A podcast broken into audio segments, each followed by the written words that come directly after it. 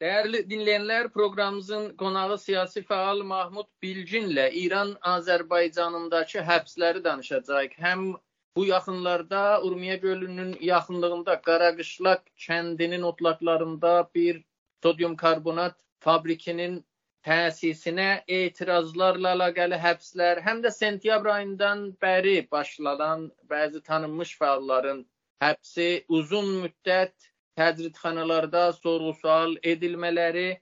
Mahmud bəy, Qaraqışlaq kəndi, oradakı həbslər əslində neçə həftələr öncədən başlamışdı. Biz bilmirdik. Sonra gəldi bu xəbərlər medianın gündəminə gəldi. Nə deyirsiniz bu Qaraqışlaqdakı hadisələrə nə deyirsiniz? Həm ətraf mühit məsələsi var, həm kənd sakinlərinin ortaq o əraziləri otlaqlarının zəbt edilməsi var. Bu qışlağında keçirilən məsələlər elə ə, Azərbaycan bütünlüyündə, Güney Azərbaycanda olan məsələlərin elə gözəl bir ə, nümunəsidir. Yəni orada olan vəhşicarlıq ki, rejim tərəfindən ə, əkinçilərə hücum olunur. Ondan tutmuş o çevrə məsələsi, yəni o çevrə yaşam məsələsində ki, bunlar onunla ölümdürüm savaş aparırlar, torpaqları əldən getməkdədir. 450 hektar ə, e, Supahın kahve soda şirkəti vasitəsilə göz tikiblər ki, orada bir fabrika düzəltməklə bunların yerlərini əllərindən alırlar. Və yerləri əllərindən alırsa, digər yerlərini də onun o pasapları, onun o şimai məsələlər ki, yaranır o torpaqlarda e, digər bölgələrini də dağıtmağa hədəf tutur və beləliklə o kənd dağılmağa məcbur qalır. Yəni o əsasda e, biz elə o e, qışlağı nümunə götürəndə görürük ki, bunlar onun e, daha böyük məsələsi ilə Urmu gölü ilə bağlı idi ki, onunla da Azərbaycan Azərbaycan bütünlüyünə hədəf tutublar. Ancaq qışlaqda olan məsələdə e, demək ki, kəndlilər doğudan ayıqlıq və ə, e, öz ə, e, varlıqlarını açıq ortaya qoydular. Fikirləşin ki, doğudan elə 80-85 yaşında ə, e, yaşlı ə, analar, atalar ayağa qalxdılar, gənclərimiz ayağa qalxdılar.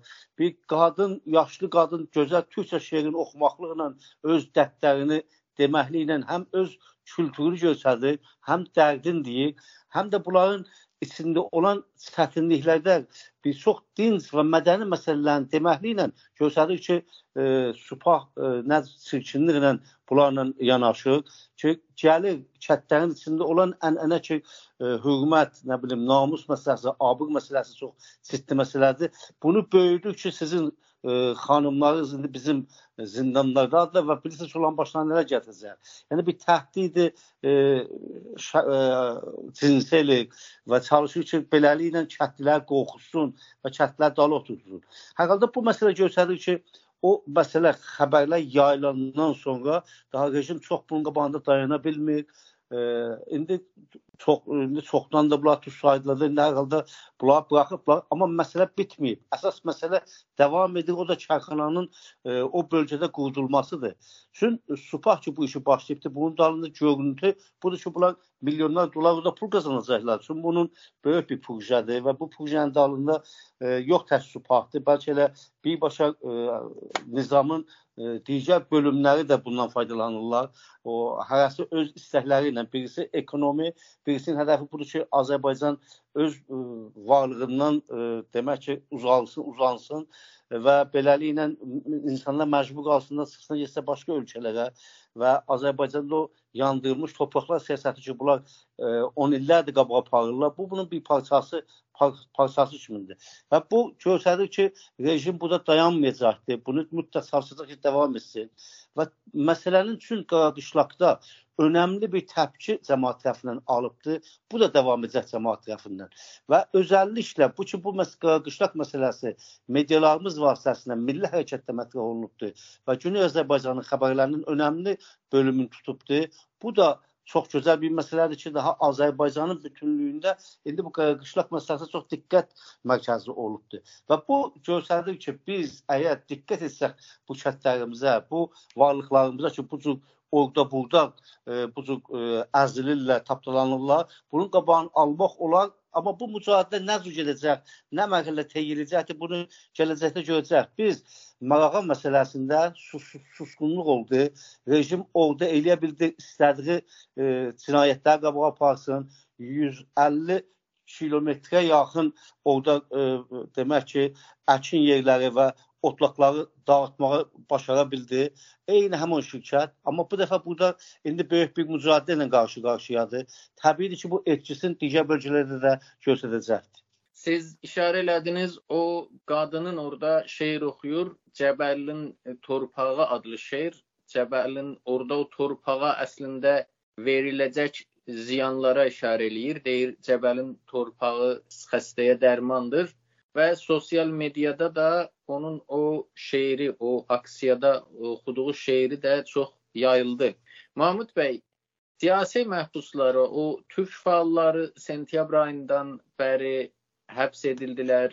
Bunlar 3 aydan artıq saxlananlar oldu. Çoxu buraxıldı, amma yenidən tutulanlar oldu. İndi Yürüş Mehrəlibəyli, İbrahim Savalan, Milad Cəlili o cümlədən həbsdədirlər.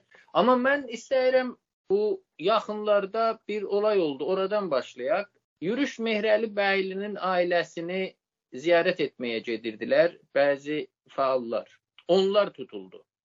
Nə deyirsiniz? Yəni o ailəni görməyə gedən fəalları niyə tuturlar? Bilirsiniz, bunlar e, siyasi zindanlarımız hərəsinin öz e, dəyəri var, öz önəmi var. E, hamısı bizim üçün çox-çox önəm daşıyır. Ancaq Yürüş Mehrəlibəylinin yeri tam başqadır Milli Hərəkatın içində.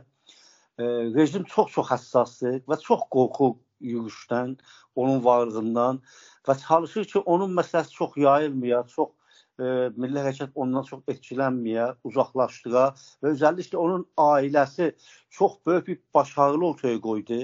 E, yürüşün tutulandan sonra onun elə atası, anası, e, bacısı, nə bilim qardaşı özəlliklə hamısı elə doğrudan bütünlükdə yürüşün dalında olmaqlıqlarından danışdılar.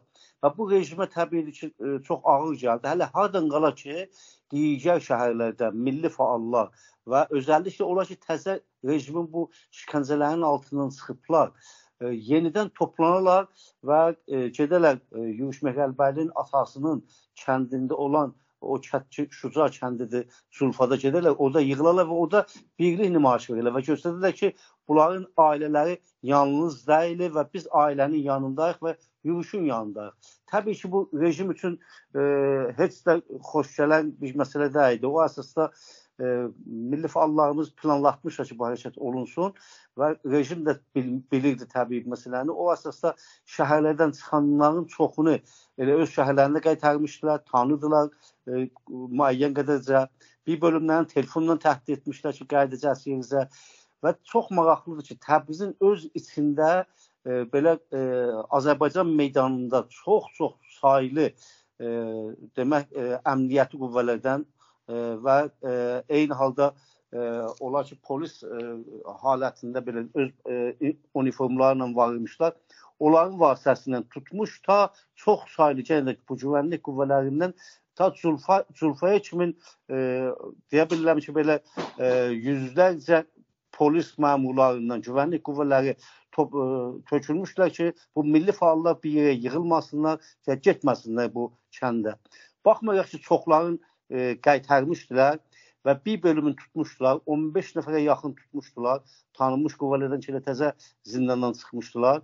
E, elə Davud Əzimi, e, nə bilim, e, Seyid Müvahhidi, e, sonra e, Hamid bəy Yeganəpur və çox-çox sayıları. Ancaq e, bu tutmalara baxmayaraq e, bir bölüm başarmışdı getsin e, atasının yanında və orada e, bir Yenə də bir nümayiş düzəltmişlər, birlik nümayişi ki, yürüyüş tək deyil, biz yürüyüşün arxasındayıq. Belə bir mədəni hərəkətlər hə, milli hərəkətimizə yenilikdir.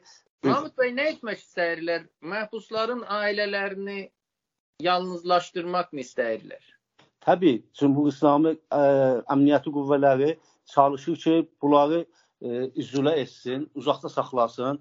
Ə, bunlar ə, əvvələn əvvəl təhdid edirlər ki, danışmayın, deməyin ki, bunlar tutulublar. E, çünki istər ki, bu xəbər bilinməsin. Nə qədər məhbus haqqında e, xəbər olmayanda rejimin əli açıq olur. əvvəl oradan başlar ki, danışmayın.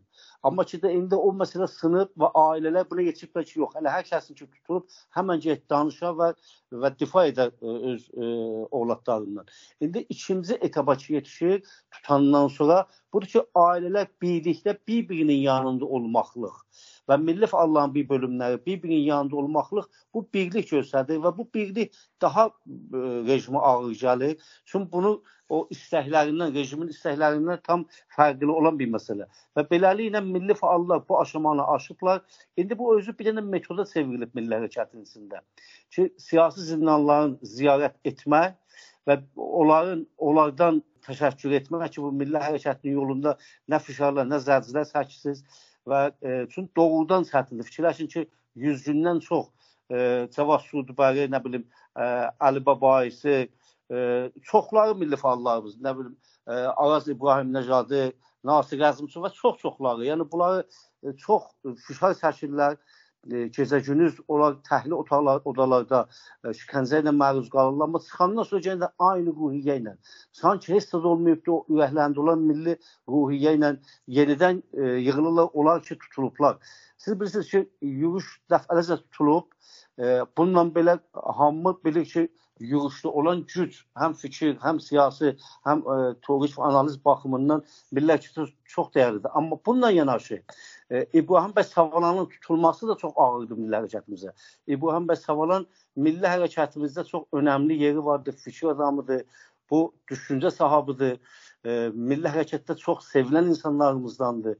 Bunun tutulması və ha belə Milad Cəlili e, Elşənin ki, e, demək ki, reperlərimizdəndir və bu Güney Azərbaycanda özəlliklə gənclər içində reperlərin özəl bir yeri vardı. İndi isə rejim bu Milad Cəlilin tutulması ilə də e, demək e, istər istəməz bir əli ilə milli hərəkatı daha gücləndirir ki, gənclər içində e, bu məsələlər gedir ki, daha Azərbaycan doğrudan sümürgəçiliyi ilə qarşı-qarşıyadır. Biz bu sümürgəçiliyi dəfələrcə orada burada deyir, elə həm bu danışığımız elə bu qaraqışlaqda özünü göstərdi, həm bu milli fəalların danışıqlarında, hələ ümumi görülqasında bütünlükdə göstərir ki, milli hərəkat belə bir çətinliklərin üzbəüzdür ki, bu milli fəallarımızın tutulması və buna haqq mücadeləsində bir-birinin yanında olması elə bunun bir açıq e, göstəricisidir. Çox sağ olun Mahmud bəyə təşəkkürlər müsahibə üçün.